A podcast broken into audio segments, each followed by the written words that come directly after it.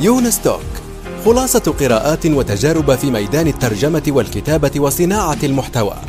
تأتيكم أسبوعيا في قالب مميز وشيق يقدمها الكاتب والمترجم يونس بن عمارة. الآن وفي الأسواق وعبر شبكات التواصل. رواية إفيانا باسكال للكاتب يونس بن عمارة.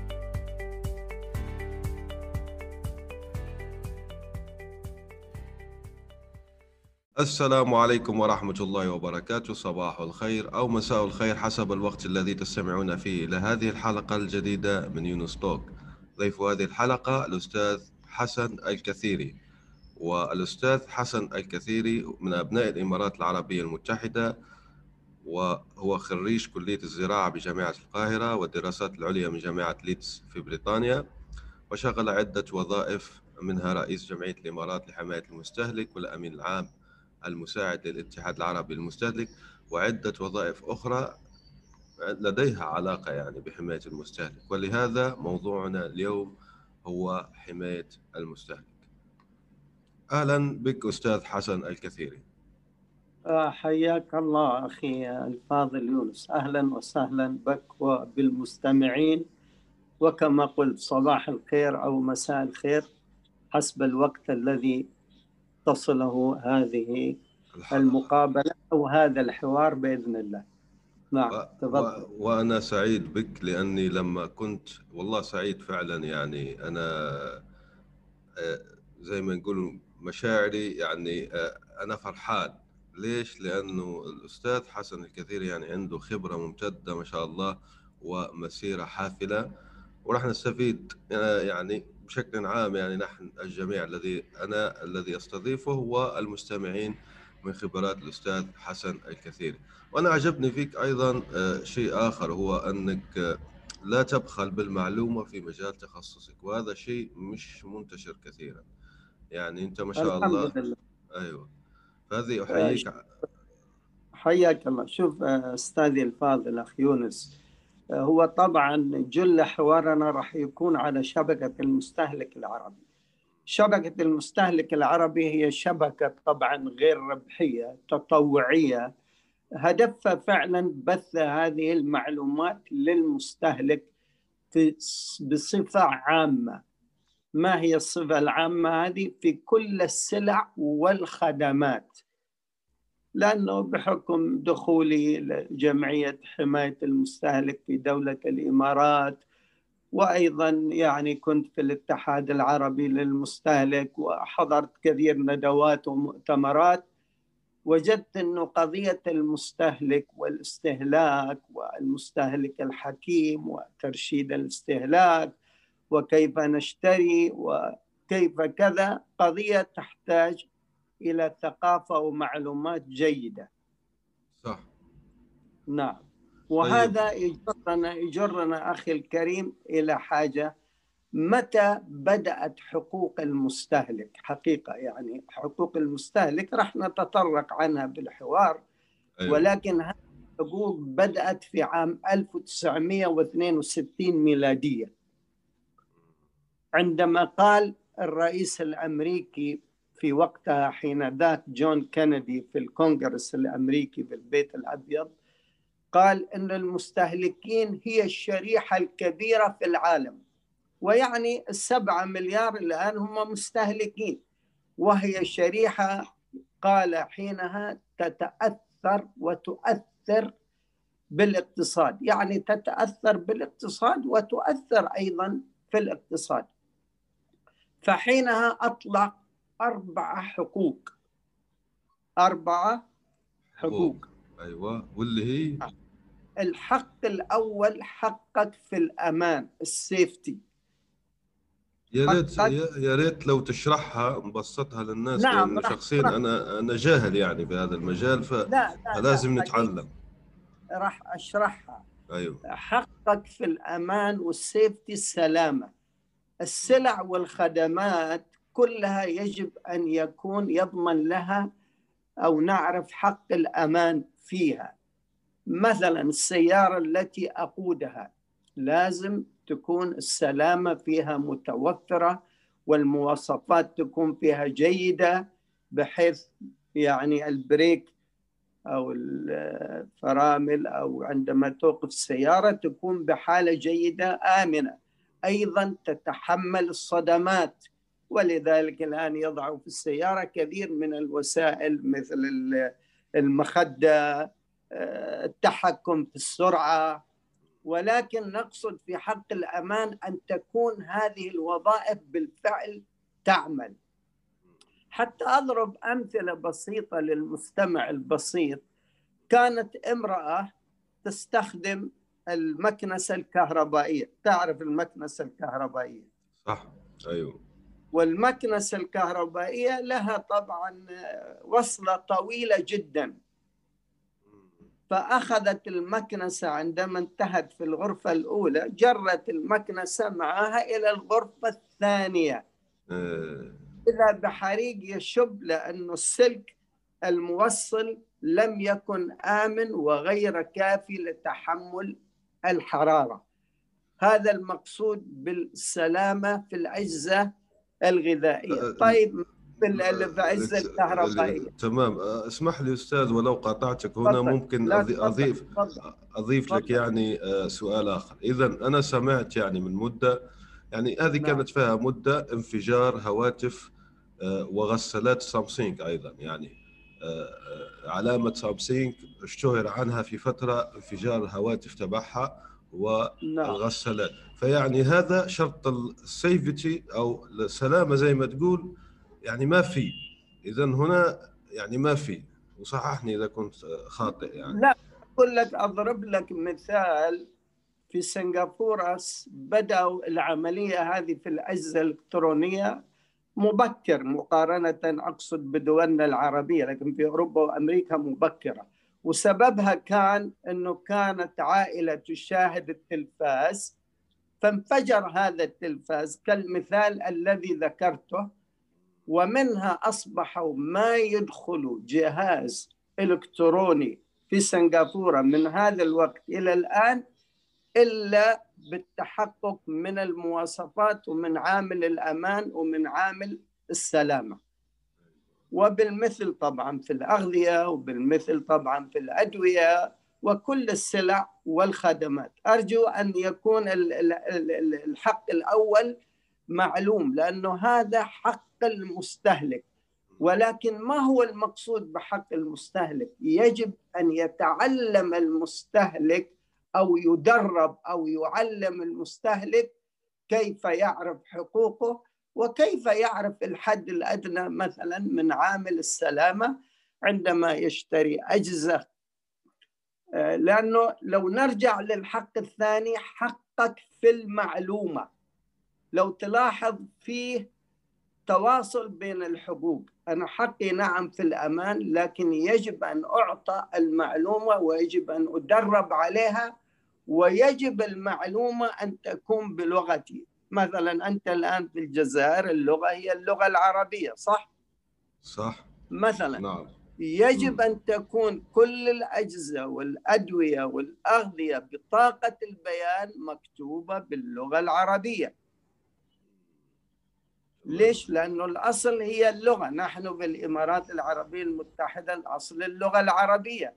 فيجب أن تكون كل السلع والخدمات المقدمة للمستهلك أن تكون بلغته في البلد الذي هو فيها. يعني اللغة الأولى العربية. تريد تختار لغة أخرى إنجليزية فرنسية. هذا الشأن البائع أو المنتج. ولكن اللغة الأولى يجب أن توفر في كل دولة باللغة التي ينطق بها أهل البلد حتى يستطيع أن يتعامل مع هذه السلعة سواء كان غذاء أو دواء. تصور روشتة أدوية مكتوبة بلغة لا أعرفها فرنسية أو إنجليزية أو غيرها. هنا حق السلامة أو الأمان قد ينتفي أخي يونس. هذا ما أقصده. فعلا. أيوه. آه، آه، خلينا قبل ما نروحوا للحقوق الأخرى لأنه راح نجوها لا، شيء. أجيب الحقوق الأخرى تمام. في عجالة عشان يدركونها حتى كما قلنا أنه جون كينيدي قال أنه أربع حقوق يجب أن توفر للمستهلك هذا في عام 1962 وضربنا الآن مثال على الحق الأول حق الأمان سيفتي. الحق الثاني حقك في المعلومة to be informed. حقك في المعلومة. أيوه. الحق الثالث حقك في الاختيار. يعني your choice. أنت الذي تختار. إذا أنت أعطيتنا المعلومة ثلاثة أربع أجزاء أدوية أغذية آه، هيئة كهرباء اتصالات لازم يكون أيضا عندي مش خيار واحد عندي أكثر من خيار. لأنه إذا كان عندي خيار واحد لنفترض دولة فيها شركة اتصالات واحدة فقط مثلا. أيوه. معناته أنا انتفى عندي حق الاختيار. هذه تسمى عقود الإذعان. طيب هذه أعتقد عندها معلش اللي بعد أيوة. حق الاختيار الحق في الاستماع للمستهلك. هذه الحقوق التي أعلنها جون كينيدي عام 1962 ولا زلنا نشعر نحن بأمس الحاجة لأن الحقوق هذه قوية تكون ومتوفرة للمستهلك وحق من حقوقه. حق من حقوقه يصبح يعرف. أيوه. وأدرب وأعلم عليها وأن تكون بلغتي. تفضل. كمل أستاذ آه، الحقوق يعني الثمانية لأنك أنت قلت جون كينيدي حط أربعة تمام. خلينا يعني نفيد المستمعين طيب. ونكملوا الثمانية كلها. نكمل الثمانية كلها. أيوه. نعم. أيوه. حتى الأمور يعني تكون واضحة الحقوق لأنه الأصل الأصل هو كله يدور حول الحقوق كما قلنا الحق الأول حقك في الأمان أيوه. الثاني حقك في الاختيار الثالث حقك في المعلومة والرابع حقك في الاستماع والذي بعده يأتي حق إشباع الاحتياجات الرئيسية. مثل الغذاء والملبس والدواء والمسكن هذه احتياجات رئيسية فيجب أن توفر مثل هذه الحقوق آه، لكل إنسان في موطنه أو بلده بدرجات نعم مختلفة ولكن الحد الأدنى من الكساء ومن الغذاء والدواء والسكن يجب أن تكون هناك آليات لتوفيره من خلال العمل من خلال أمور كثيرة يعني. أيوه. والحق الذي بعده هو حق التثقيف. حق التثقيف يختلف عن حقك في المعلومة. كيف؟ المعلومة تعطى لي لكن هل عندي الثقافة انه أعرف هذه المعلومات الحد الأدنى للمستهلك أم لا؟ فهذا حق من حقوق التثقيف. ثم حقي أنه أعيش في بيئة صحية آمنة من التلوثات البيئية من تلوثات الهواء من تلوثات الغذاء. هذه هي الحقوق الثمانية التي أقرتها الأمم المتحدة وأصبحت هي الحقوق الذي يجب أن تعمل عليها مؤسساتنا ودولنا في إعطائها لهذا المستهلك. وتثقيفه بهذه الحقوق. أيضا يجب أن يثقف إنه هذه حقوقك وهذه مسؤولياتك وهذه واجباتك. لعله الآن ننطلق إن شاء الله وأي تساؤل عندك أنت الآن كمستهلك أنا على يقين إنه كثير عندك من الاستفسارات. ولكن أستاذ يونس أنا ما أذكر أي brand name ماركات. نحن الآن نتحدث بصفة عامة حتى ما يعتقد أحد إن إحنا نتحدث على ماركة أو brand name صح. أو جهة أو مكان معين. لا هذه الحقوق هي تشمل كل العالم وفي كل العالم. وعندما نتحدث عن السلع والخدمات لا نتحدث عن ماركة معينة أو اسم معين. هذا مجال آخر وليس هو مجال هذا الحوار. حاضر فعلا.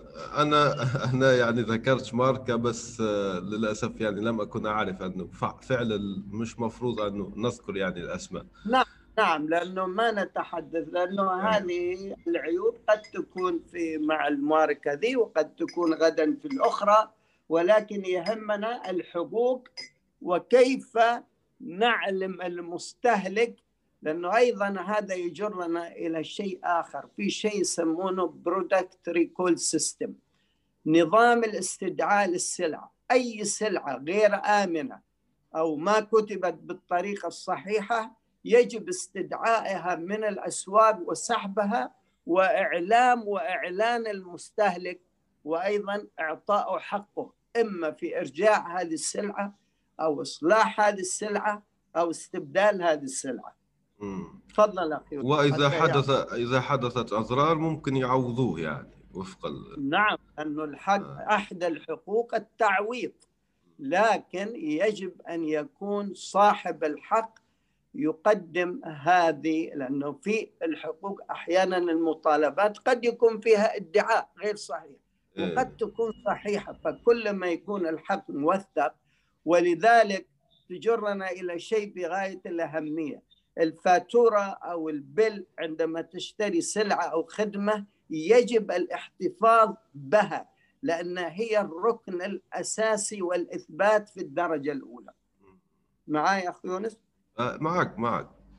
يعني. حتى ولو سلعة صغيرة أو كذا حاول دائما الاحتفاظ أو طلب الفاتورة لأنه من حقك يعني. لأن من حقك وهي في الأخير الذي سوف يتم الرجوع والارتكاز لها. لأنه أنت في الأخير راح تعمل مثلا شكوى. باللغة الإنجليزية complaint يعني قد اللي يستمعون لنا أيضا بعضهم يعني complaint أو شكوى. الشكوى أيوة. ذي أيوة. أول فيها هو الفاتورة. فاتورة الشراء للسلعة أو الخدمة. مم. تمام. نعم. خلينا آه، يعني الآن أنا مثلا سمعت يعني نحكي عن شيء آه، حديث. سمعت لن أذكر أي ماركات بس راح أذكر الشيء هذا بصفتك خاصة أنك أنت يعني ممكن ما نعم. يعني تميل لكن بدون الماركة نعم. أيوة. أنت تميل نوعا ما ممكن للأمور الغذائية يعني من جهة حماية المستهلك يعني من الأمور الغذائية. طيب سمعنا لا أن... لا. إلى هذا لأنه ترى هذا أيضا لازم نوضح. المقصود هنا بالمستهلك هو الذي يتعامل مع السلع والخدمات سواء أيوة. أغذية أو أدوية أو أجهزة أو مواد بناء. هنا اللفظ عام وليس محدد.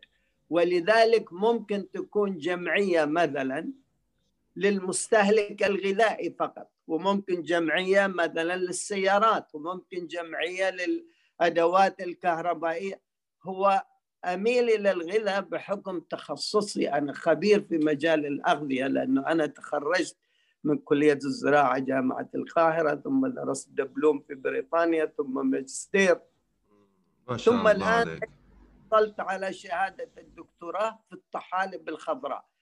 ولكن توجهي أصبح حقيقة هو للمستهلك والاستهلاك لأنه هذه مثل الهواية أو عمل غير ربحي وتطوعي. الواحد يحب إنه يقدم أشياء خارج عن نطاق العمل المادي، المادة مطلوبة لكل إنسان، لكن ما قدمته أنا في شبكة المستهلك العربي هو حقيقة عمل تطوعي غير ربحي. والمستمع الآن لو فتح www.arabcon.net أو شبكة المستهلك العربي الكبيري راح يجد شبكة ما أقول لك غنية ولكنها فيها معلومات كثيرة جيدة. ومهمة جدا يعني. نعم كيف تشتري؟ لماذا تشتري؟ متى تشتري؟ من أين تشتري؟ كيف تقارن الأسعار في المنافذ؟ كيف تقارن الجودة؟ كيف ترشد استهلاكك في الكهرباء أو في السيارات؟ ولذلك شعار الشبكة عندي أعطني الشبكة ولا تعطيني السمكة. أنا حاولت فعلا في شبكه أيوه. العربي أعطي هذه المعلومة الذي تقود المستهلك لرغباته. ولو أنت يفتح المستهلك أو أنت المستمع راح يجد على اليسار كل جمعيات المستهلك تقريبا اللي في العالم العربي. مجرد ما يضغط عليها يستطيع أن يتواصل مع هذه الجمعية ويستفيد ويقدم الشكوى ويسأل وهكذا. في بلده يعني. في الأخرى الجهة في مواضيع شهرية وكتبت أكثر من عشرين موضوع ولكن الموضوع الواحد يحتوي على أكثر من حاجة يعني تجد فن المقارنات. مثلا أنصح الناس في الغذاء اللي يريد يرشد استهلاكه أنه يستخدم نظام البوفيه المفتوح سواء كانت عزيمة أو حتى مع أسرته لأنه نظام البوفيه فقط أه. أنت سلطة واحدة وشربة واحدة ورز قليل وخضروات قليلة ثم يأخذ الإنسان قدر حاجته بينما الطريقة الأخرى إحنا قد نطبخ ونهدر كمية كبيرة من الأغذية للأسف كبيرة جدا وخصوصا بعالمنا العربي وخصوصا بالمناسبات رمضان والأعياد. فهذه نرشد استهلاك الناس فيها. تفضل أخي يوسف. صح. هو هدر هدر الغذاء مشكلة كبيرة جدا. وأحب أنوه هنا. أيوه. تفضل. أه، وآسف يعني على مقاطعتك بس نحن لا يعني لا لا. راح نحاول نتناول أكثر قدر ممكن يعني المواضيع المتنوعة. هو أنت مثلا حق التثقيف اللي حكيت عليه أنا أحييك جدا وراح نضع رابط شبكة المستهلك العربي يعني في التدوين التابع لهذه الحلقة فلا تقلقوا يعني دائما أنا أضع روابط اللي نحكي فيها مع الضيف في التدوين التابع لهذه الحلقة فراح تلاقوها على طول وأنا أنصح بها. المهم يعني سمعنا الآن أن سنغافورة أجازت أجازت الدجاج النابت أو المنمى مخبريا. بصفتك خبير ما رأيك في هذا الموضوع بالتفصيل؟ والله شوف أخي يونس يجوز أحيانا يعني آه، في بعض الأسئلة قد لا أستطيع أن أجاوب عليها مباشرة لأنه تحتاج مني انه أدخل في الموضوع وتفاصيله وهذا يجرنا إلى شيء أنه قد حلقتنا هذه تكون هي ليس الأخيرة فهمت قصدي؟ أيوه أيوه. راح أكون سعيد بحلقات أخرى معك طبعا. نعم قصدي حتى أجاوب بطريقة علمية على مثل هذا السؤال. أحتاج أن أطلع على الموضوع ويمكن أنا أول مرة أسمع هذا الموضوع. لكن في موضوع عندنا في شبكة المستهلك المغرب العربي اسمه الأغذية المعدلة جينيا ال genetic modified food فإذا كان هو هذا الأمر أنا لست من أنصار الأغذية المعدلة جينيا لأنه هذا التطوير وتحوير في الجينات وقد هذه الجينات ما تظهر إلا في الأجيال القادمة. تمام. وعندي موضوع في الشبكة هكذا عن الأغذية المعدلة جينيا ما لها وما عليها. ماذا يقول المؤيدين وماذا يقول المعارضين؟ وأنا أضع هذه الثقافة للمستهلك والمعلومة وحقه في الاختيار. لكن أنا بالنسبة لي لو تسألنا هل تشتري الأغذية المعدلة جينيا؟ بالنسبة لي لا أشتري المغدل الأغذية المعدلة جينيا. أشتري الأغذية الطبيعية لأنه طيب. اللعب في الجينات والتحويرات هذا علم دقيق جدا وخطير جدا. وطبعا المؤيدين يذكروا إيجابياته. والمعارضين يذكروا سلبياته وأنا أميل إلى الجانب الذي لا يؤيد الأغذية المعدلة جينيا وبالرجوع للموضوع في شبكة المستهلك العربي راح يجد المستمع إثراء لهذا الموضوع وحتى مراجع علمية وأدلة علمية. تفضل. وجدته فعلا يعني فيه فيه فيه مقالات يعني أو مقال ممتاز جدا عن الأغذية معدله جين بس خلينا هنا نوضح لي هي, هي مثلا الدول أقرت يعني بتجيب سلعة معدلة جينيا يعني عادي بتدخلها في كذا بس أنت بت... أيوه أقرت ولكن هذا حقي في المعلومة يجب أن يكون هذا الأمر واضح في بطاقة البيان. خليني أسألك أنتم الآن في الإمارات لما نعم. بتروح نعم. للمول أو البقالة بتلاقي مثلا هذه الخضرة زي ما نقول إحنا خضروات آه، آه، يعني تعرفها هل تعرفها كيف تعرفها مثلا أنا الآن رحت الامارات لا لا لا أيوه. أخي الكريم سؤال ممتاز لا أعرف هذا إلا إذا كانت في معلومة أو كتبت على بطاقة البيان ووضحت لي وبشكل مقروء لأنه أحيانا حتى بطاقة البيان على العبوات الغذائية أو الأدوية تكتب بطريقة قد تحتاج تقراها بالميكروسكوب. لا بعض صح. معلومات يجب أن تكون بارزة. الغذاء المعدل جيني يجب أن يكون بارز في ركن واضح.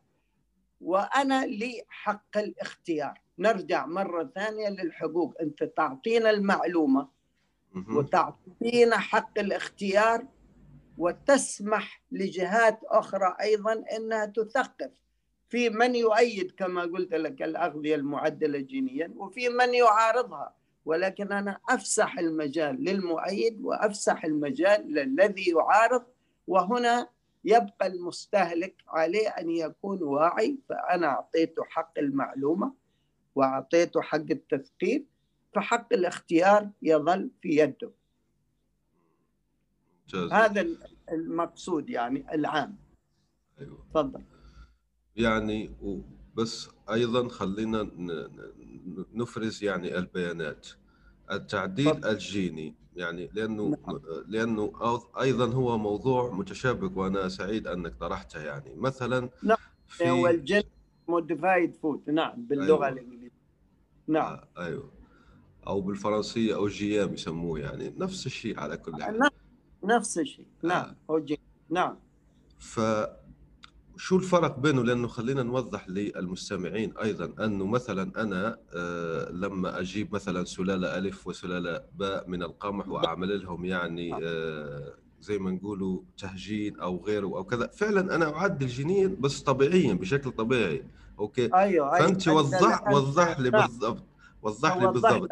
ما ما ما الذي نعم. شوف أيوة. أنت جبتها بنفسك. في فرق بين التهجين وفي فرق بين التعديل الجيني. التهجين يكون بين منتج طبيعي قول برتقال مع يوسف افندي خوخ مع مشمش. هذا منتج طبيعي قد تخرج منه منتج آخر طبيعي ولكن نتيجة تهجين مش اللعب في الجينات.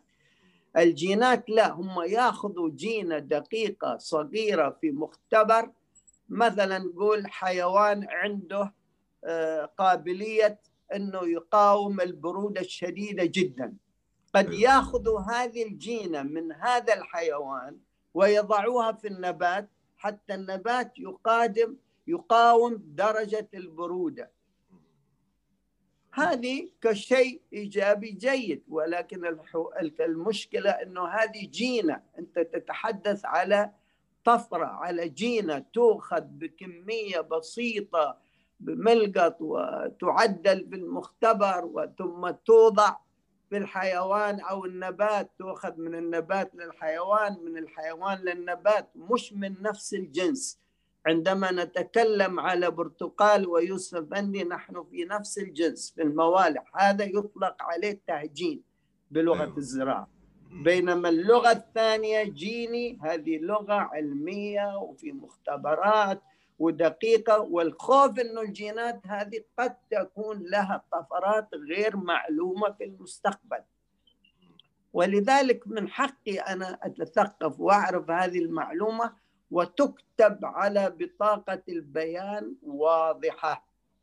وكم نسبة التعديل الجيني يعني هل هو واحد في المية خمسة في المية أقل لأنه هذه أمور أيضا يعني تحكمها المواصفات والتشريعات والقوانين وهي تختلف من دولة لدولة حتى تختلف لو تقارن أوروبا وأمريكا آه، في خلاف جوهري كبير في الأغذية المعدلة جينيا. الأغذية المعدلة جينيا تقريبا أوروبا ماخذة منها موقف قوي جدا. الولايات المتحدة الأمريكية آه، تعتقدها أنها علميا لا يوجد فيها شيء ولكن هذا خلاف وجدل علمي قديم ولا زال موجود ولا أعتقد أنه ينتهي بل الناس الآن تميل إلى أنها فعلا تبتعد عن الأغذية المعدلة جينيا. باختصار أنا أنصح المستهلك أثقف المستهلك إنه لماذا أنت تأخذ شيء معدل جيني؟ اذهب إلى الطبيعة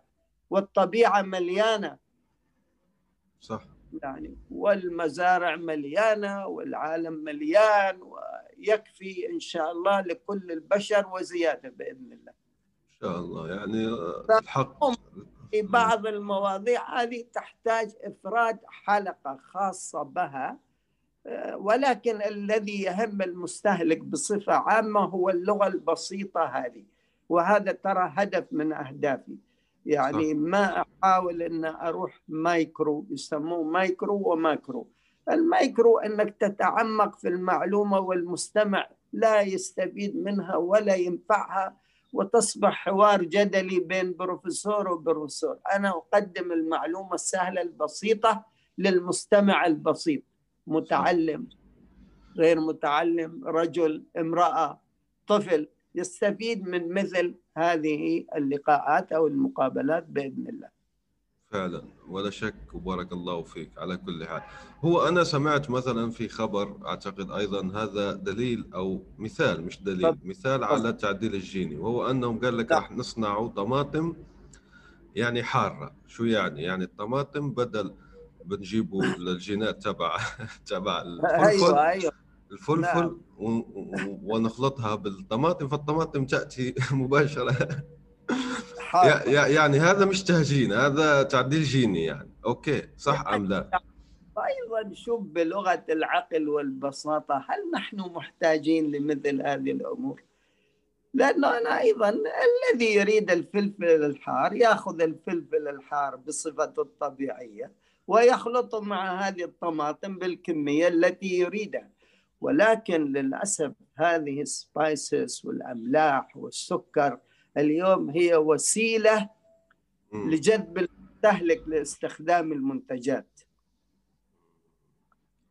ولذلك ترى موضوع يجر موضوع الآن عندنا في دول الخليج بدأوا يضعوا ضريبة على السكر 50% لأنهم يريدوا يحدوا من استخدام واستهلاك السكر لأنه إقبال من قبل الأطفال والأسر على المشروبات الغازية التي تحتوي على السكر وكمية كبيرة فوضعوا هذه الضريبة حتى يجعلوك تذهب لخيار آخر خيار العصير الطبيعي البرتقال التفاح لدرجة عندنا إشكالية اليوم. لو تجيب لطفلك موز طبيعي ما يقبل عليه لأنه هذه النكهات والمواد المضافة هي تشبه الجينات.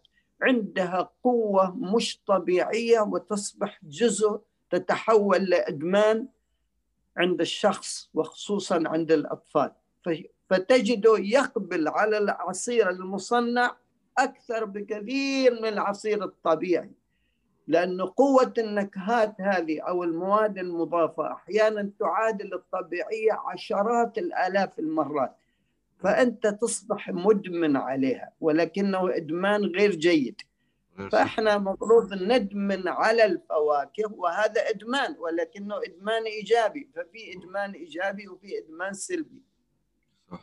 أنت ذكرتني على ذكر الأطفال بقرار أيضا, ترى عندي في الشبكة. موضوع عن احتمال أو الجدل العلمي على استخدام المواد الملونة نقصد الصناعية الكيميائية في الأغذية. أيضا عليها جدل وعلى المستهلك ان يعرف آه، لأنه طبعا المنتج اللي ينتج يقول لك أنا أضفت هذه المادة الملونة طبقا للمواصفات والمقاييس التي لا تضر المستهلك. هذا صحيح إذا كنت أنا راح أستخدم فقط هذه المادة ليوم واحد. لكن إذا المادة هذه موجودة في الشراب وموجودة في الحلويات وموجودة في الكنافة وموجودة في طيب السلة حقي هذه من يدرسها؟ هذه هنا نعني بالثقافة التثقيف. علينا ندرس مثل هذه السلة الغذائية. ما هو الحد الأدنى والأعلى؟ لاستهلاك أطفالنا للمواد الملونة أو المضافة أو الحافظة. وأنا أركز على الأطفال لأنه حقيقة هذول بحاجة إلى رعاية وأحيانا حتى ثقافته لا تسمح. فيجب أن تكون المواصفات لسن معين الذي تقدم لأولادنا في سن العشر والخمسة عشر والسنتين والأربع. يجب أن تكون تختلف ويجب أن ننشر هذه الثقافة عند الأسر وننشر هذه الثقافة من خلال التعليم في المدارس في الجامعات. القضية ترى هموم المستهلك وما أدراك ما المستهلك وأنا أحيانا أطلق عليه المستهلك هموم كثيرة وكما أيوة. ما يحتاج لحلقة واحدة. ولكن لعله إن شاء الله أخي يونس نتناول حلقات ولو حتى كانت لمدة خمسة ثلاثة أربع دقائق فقط في اليوم. جيد لأنه سهل انتشارها وسهل معرفتها وأن تكون المعلومة صحيحة وعلمية وفنية وقانونية. ولذلك أنا ما صرت أميل للحديث على منتج باسمه أو شيء باسمه. حتى يكون الحديث عام ومقبول للجميع ومفيد للجميع بإذن الله. صح. بارك الله فيك. وطبعا هذا يعني ويكون من يعني من خبير مثل أنت شخص يعني ما شاء الله عليك. قضيت يعني فترة طويلة في هذا نعم. الميدان. فترة وعندي خبرة وعندي حب لهذا التوجه مش فقط خبرة يعني. شغف فعلا. تمام. أنت ذكر أنت. ذكرت الأطفال. وهذا ذكرني بخبر عن بريطانيا مؤخرا يعني آه،. قالت قالت راح نمنع إعلانات آه، المأكولات السريعة يعني نمنعها نهائيا لأنه مش معقول أصبح الأطفال يعني فقط بيحبوا البرجر بيحبوا آه، كنتاكي بيحبوا هذا ترى هذا التوجه موجود الآن في كثير من الدول حتى منها سنغافورة لأنه وجدوا وأيضا تجد بكثير من الدول الأكلات السريعة تعلق لك لوحة كبيرة وتوريك كم سعر حراري كم نسبة السكر كم كذا. فهذا التوجه جيد أنه حقيقة يدعم ويشجع ولأنه وجدوا الآثار آثار الأطفال والسمنة وما أدراك ما السمنة وأمراض السمنة وحجم علاج السمنة و- والأسباب التي قد تؤدي لها السمنة أمراض كثيرة. فبدأوا طبعا يشعروا بخطورة مثل هذا الأمر وأنا طبعا ايد مثل كل هذه التوجهات. أراها أنها مطلوبة ولذلك ترى حقوق المستهلك جيدة. حقق في التثقيف الثقافة حقق في المعلومة حقق في الاختيار. هذه الحقوق في غاية الأهمية حق في الاستماع لهذا المستهلك ورغباته وإشباع احتياجاته ورغباته الصحيحة والإيجابية مش السلبية. صح. نعم أستاذ يونس. يعني يعني حتى لو هو راغب في هذا الشيء زي ما حكيت لك اللي يضر صحته لازم الدولة والمشرفين والمنظمين يعملون يعني على آه، على الإشراف على الموضوع هذا. تمام. أكيد ت- شوف هو مستهلك فيه ثلاثة أطراف. أو أربعة. الطرف الأول اللي هو أنا وأنت المستهلك. الطرف الثاني المشرع والهيئات الرسمية والقانونية والصحية والغذائية وفي مجال السيارات وغيرها. الطرف الآخر هو التاجر. ممكن التاجر ترى الآن أمامه سوق كبير جدا. في توجه الآن في العالم نحو الأشياء الطبيعية. حتى التاجر الذي ينظر لها من ناحية عمل أو بزنس أمامه سوق كبير جدا كبير للغاية اليوم. صح.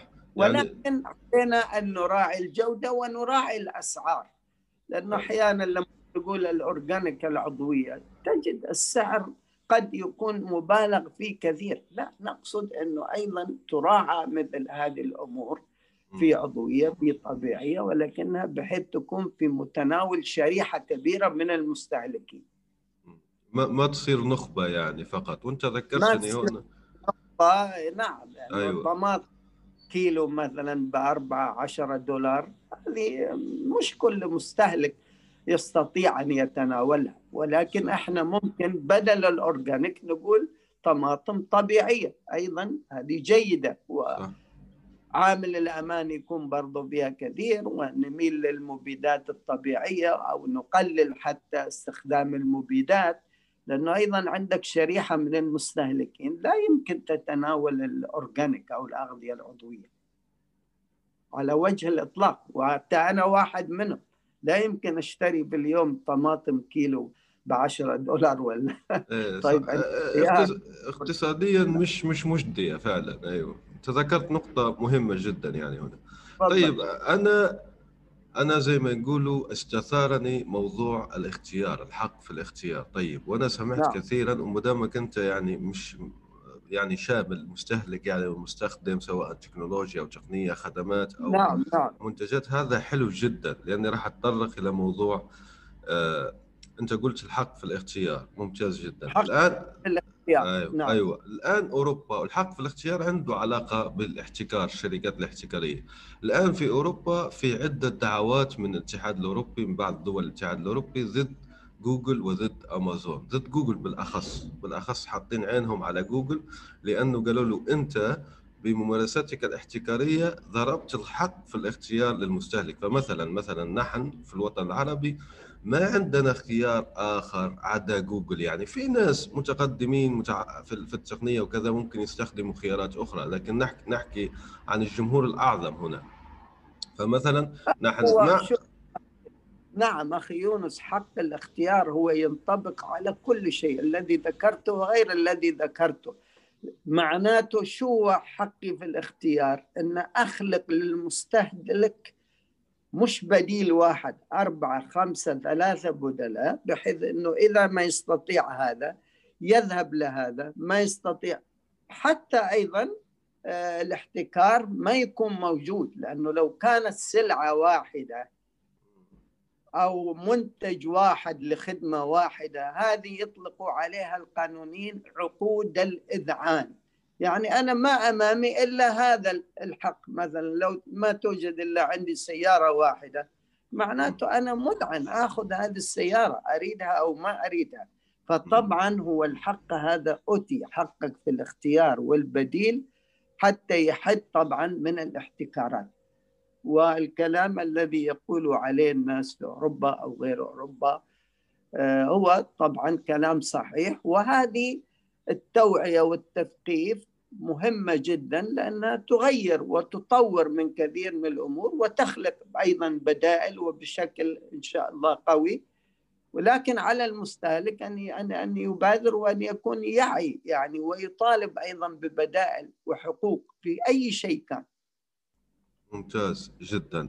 آه، نرجع يعني قليلا إلى حديثنا تفضل. يعني من قبل أنت حكيت مثلا على السكر. طيب الآن فيه بدائل كثيرة مثلا سكر وسكر بني.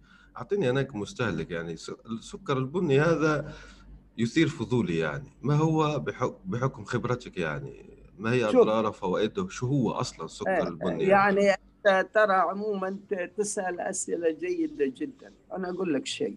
الله يخليك يا رب. شوف أضرب لك عدة أمثلة. مثلا عندنا زيت زيتون وزيت سمسم وزيت حيواني. أولا من ناحية السمنة السكر الأحمر أو الأبيض السعرات الحرارية هي نفس السعرات الحرارية. سواء أنا أخذ أبيض أو أحمر خمسة جرام أو خمسة جرام كسعرات حرارية وزيادة الوزن متوفرة هنا وهناك. وهذا ينطبق حتى أقول على زيت الزيتون مثلا وأي زيت ثاني مصدره حيواني أو نباتي. أحيانا في اختلافات داخل المنتج. مثلا العسل كسعرات حرارية هو يشبه السكر الأبيض لكن يقولوا لي طيب ليش أنا أخذ العسل ما أخذ السكر الأبيض؟ العسل في كم كبير من الفيتامينات والمعادن وبعض الأحماض الأمينية دخول هذه المركبات الطبيعية في المنتج الطبيعي قد أحيانا أيضا حتى تساعد في الإقلال من السمنة. غير أنا لما أخذ سكر أبيض 100% هذا السكر أبيض 100% نقي لا توجد فيه أي قيمة غذائية. العسل في قيمة غذائية. طبعا السكر الأحمر في قيمة غذائية أما كسمنة قيمته الغذائية جايت من وين؟ إنه السكر الأبيض تم استخلاص منه كل الفيتامينات والمعادن وكل المركبات المفيدة ولذلك يسمى السكر مكرر أبيض. فقط يعطيك الحلاوة. إيه، لكن السكر البني يعطيك الحلاوة لكن أيضا ظل فيه كثير من الفيتامينات والمعادن ما تم استخلاصها منه فهمت النقطة أنت هذه؟ هو فهمت أيوة. الفرق ممتاز. هذا ولكن الذي يريد يحد من السعرات الحرارية آه، أنا أقول البديل مثلا العسل قد يكون بديل خصوصا مع القهوة مع الكذا ويكون بديل لأشياء كثيرة مثلا لأنه العسل قيمة غذائية عالية جدا يظل السكر الأحمر يعني التصفية والتنقية هل تمت بطريقة صحيحة أم لا أيوة. ولذلك يعني أنا شخصيا أشرب شاي بدون سكر لا أبيض ولا أحمر ما شاء الله عليك ممتاز يعني نعم. زي ما نقولوا لأنه يعني أبتعد عن الأشياء الذي عليها أقول جدل علمي لأنه أي موضوع ترى اليوم للأسف عليه جدل بين مؤيد ومعارض واليوم الأمور. الإعلام والإعلان يعني ما هو سهل وأحيانا تجد دكتور أو بروفيسور يؤيد شيء وبروفيسور ثاني يعارض شيء يعني في القضية مم. حتى في هذا أحتاج إلى أستمع أكثر من رأي وبدائل ولكن التوعية والتثقيف بالأمور البسيطة راح تحل كثير من الإشكاليات وترشد عندنا سلوك وتثقيف المستهلك. فراح يبنى عندنا مستهلك على هذا الترشيد على هذا السلوك البسيط السهل. لأنه تتحدث على آه، يعني نسبة أمية في بعض الدول قد تصل إلى 50 40 30 فالقضية ليست كلها أيضا يعني آه، نعول على العلم والثقافة فقط لا على اللغة البسيطة. على وسائل الإعلام أن تتكلم لغة بسيطة. علينا أن نتكلم لغة بسيطة. حتى ما نجر هذا المستهلك إلى أمور هو ما يستفيد منها حتى اطلاقا وتصبح جدل علمي من أجل الجدل العلمي فقط. هذا رأيي والله أعلم أخي. يونس. صح. ندخلوه يعني مثلا آه، في متاهات. طيب. وندخل متاهات أيوه حلو جدا. الحديث معك ممتع جدا وأنا شخصيا يعني استفدت الكثير جدا. خلينا نختم إيه. بنصائح بنصائحك عامة يعني من واقع خبرتك الممتدة للمستهلك والمستهلكة العربيه يعني نصائح عامة نختم بها هذه الحلقة. اي نعم هذا برضو جيد. شوف حقيقة أخ يونس قد يونس هو من النصائح السهلة البسيطة لازم الإنسان يضع في ذهنه بعض عبارات قوية. لماذا؟ واي؟ كيف؟ هاو؟ أيوه. متى؟ أين؟ إذا أنا قبل ما أشتري السلعة أو الخدمة أسأل نفسي لماذا؟ طيب كيف أشتريها؟ طيب هل هذه السلعة تناسبنا أم لا؟ طيب متى أشتريها؟ من أين أشتريها؟ فالقضية هذه من الأشياء المهمة لماذا وكيف ومتى وأين لازم يستحضرها المستهلك. وأنا دائما أنصح المستهلك لو يريد يشتري سلعة لا يشتريها في نفس اليوم يرجع ويفكر فيها. راح أحيانا كثيرة يغير رأيه. هذه النصيحة الأولى. النصيحة الثانية الحواس الخمس علينا أن نستخدمها. اللي هي الشم اللمس باليد القراءة. لو إحنا أجدنا استخدام الحواس الخمس راح تقلل علينا كثير من المشاكل والغش. مثلا بعضه يقول لي كيف يا أخي؟ أنا اشتريت فاكهة وجيت البيت حصلت الصندوق نصفه أو ربعه خربان. أقول له أنت ما استخدمت الحواس الخمس. لو طلبت من الرجل يفرغ لك هذا الصندوق في كيس صغير أو كيس راح تجد أنه كثير من هذه الفاكهة قد اللي فوق كبير واللي تحت صغير وقد اللي تحت معطوب أو حتى غير صالح. صح. مثلا الحواس الخمسة أقول له بتشتري قماش. يا أخي حك القماش بيدك شد القماش شوية بيدك افرك القماش بيدك حط حتى فيه شوية نقطة موية بيدك. إذا اللون أتى إليك. عندك في إشكالية. أنا أريد أشتري عطر. يا أخي حط العطر في جزء بسيط من يدك. إذا والله عمل لي حساسية أتركه وأجي اليوم الثاني. عمل لي حساسية معناته هذا هذا المقصود بالحواس. الخمس. ممتاز جدا. أيوة. بس أنا عندي سؤال ندرك مثل هذه أيضا عندي نظرية آخر شيء في النصائح. أه؟ نظرية أطلقت عليها نظرية الثلث. اللي هي؟ إذا كان لابد نظرية الثلث. أيوة. يعني أنا والله بستخدم السيارة أقول عشر ساعات. أقول لا والله أستخدم السيارة ثلاث أربع ساعات. كم أنا راح أوفر طاقة وبترول؟ أتكلم بالهاتف المتحرك عشر ساعات. أقول لا والله أتكلم ثلاث ساعات. أترك الإضاءة عندي مثلا والعة هكذا بسبب وبدون سبب. مثلا ألاحظ الناس آه، تضغط الأحمر على عندما يريد يستحم. يترك هذه آلة الاستحمام 24 ساعة. هو ما يحتاج هو يحتاج 10 دقائق قبل ما يستحم إنه الماء كافي إنه يكون حار. فنظرية الثلث هدفها ترشيد الاستهلاك والمستهلك. أنا أختم بهذا إذا عندك شيء بسيط حتى أيضا عندي على سؤال. عندي عندي سؤال. أنت ذكرت لازم على المستخدم يستخدم آه، المستهلك يستخدم حواسه الخمس. طيب أنت تعلم نعم. أننا في عصر في كثيرين بحكم كورونا وبحكم التطور نشترون عبر الإنترنت. فمثلا حاسة الشم تكون يعني آه، مستحيلة الوقت الحالي أنك يعني تشم الشيء أو تمسه يعني بيدك أو كذا. الحواس الخمس ما نختزلها في الشم في أيضا آه، مقارنة مثلا المقارنة والقراءة والمعرفة حتى أيوه أعطيني نصائحك للشراء الإلكتروني بالضبط. نصائح يعني أيوه. الالكتروني أيوه. أنا هذا اللي أريد أوصل له. شوف الشراء الالكتروني حقيقة الأفضل أنك أولا تقارن بين أكثر من مصدر مصدرين أو ثلاثة مصادر لأنه أحيانا اكتشفت فروق الأسعار بين مصدر إلى مصدر آخر قد يكون أكثر من نصف السعر. هذا شيء واحد. الشيء الثاني لابد هذا المصدر أنت متأكد أنه مرخص في الدولة التي هو فيها. والسؤال ليس صعب. أما من خلال الجهات المسؤولة عندك أو حتى السفارات ترى عندهم ملحق ثقافي عندهم ملحق تجاري لأنه أحيانا الشراء الإلكتروني من مصادر غير موثوق بها قد تخسر السلعة كلها بالكامل وقد أنت تشتري هاتف مثلا ثم تطلب عشرة خلاص أيوه. الهاتف لكن التسعة استلم فلوسها وما جاب لك إياها لأنه المصدر غير موثوق به.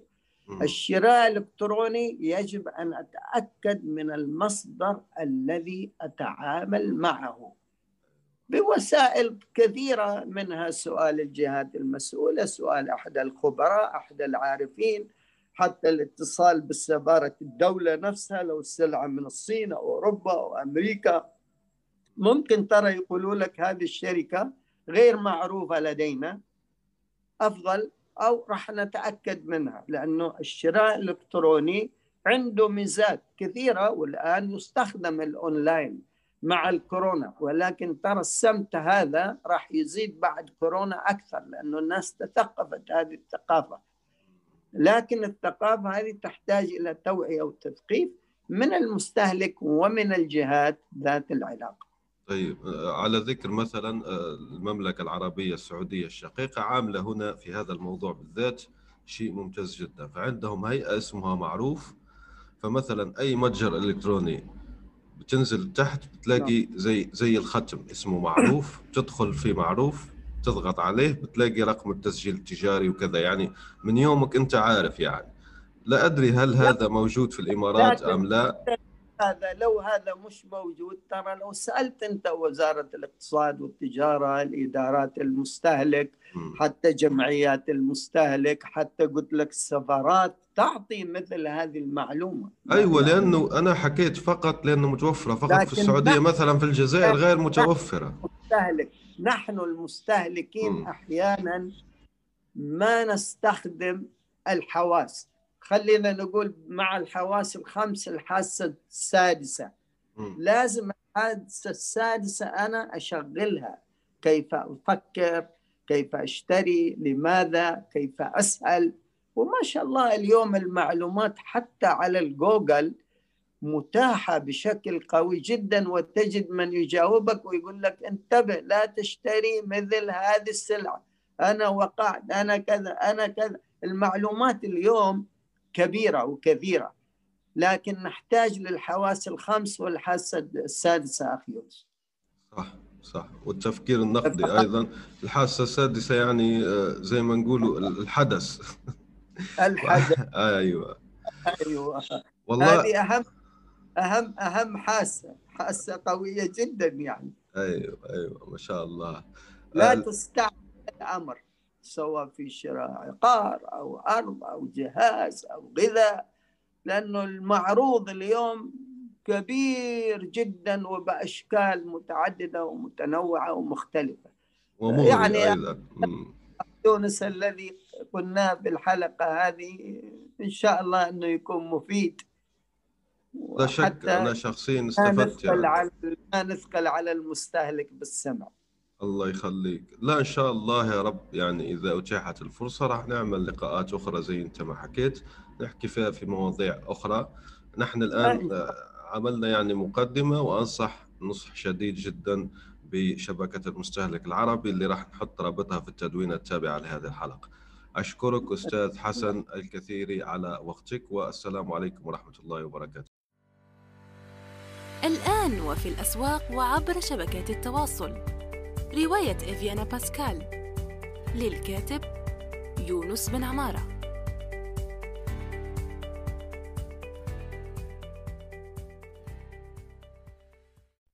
نأمل أن يكون موضوع هذه الحلقة قد نال استحسانكم. انتظرونا في الأسبوع القادم ولا تنسوا مشاركة الحلقات والاشتراك بالبودكاست. علما أنه بإمكانكم مراسلتنا باقتراحاتكم للتحدث عن أي موضوع يتعلق بالكتابة والترجمة وصناعة المحتوى.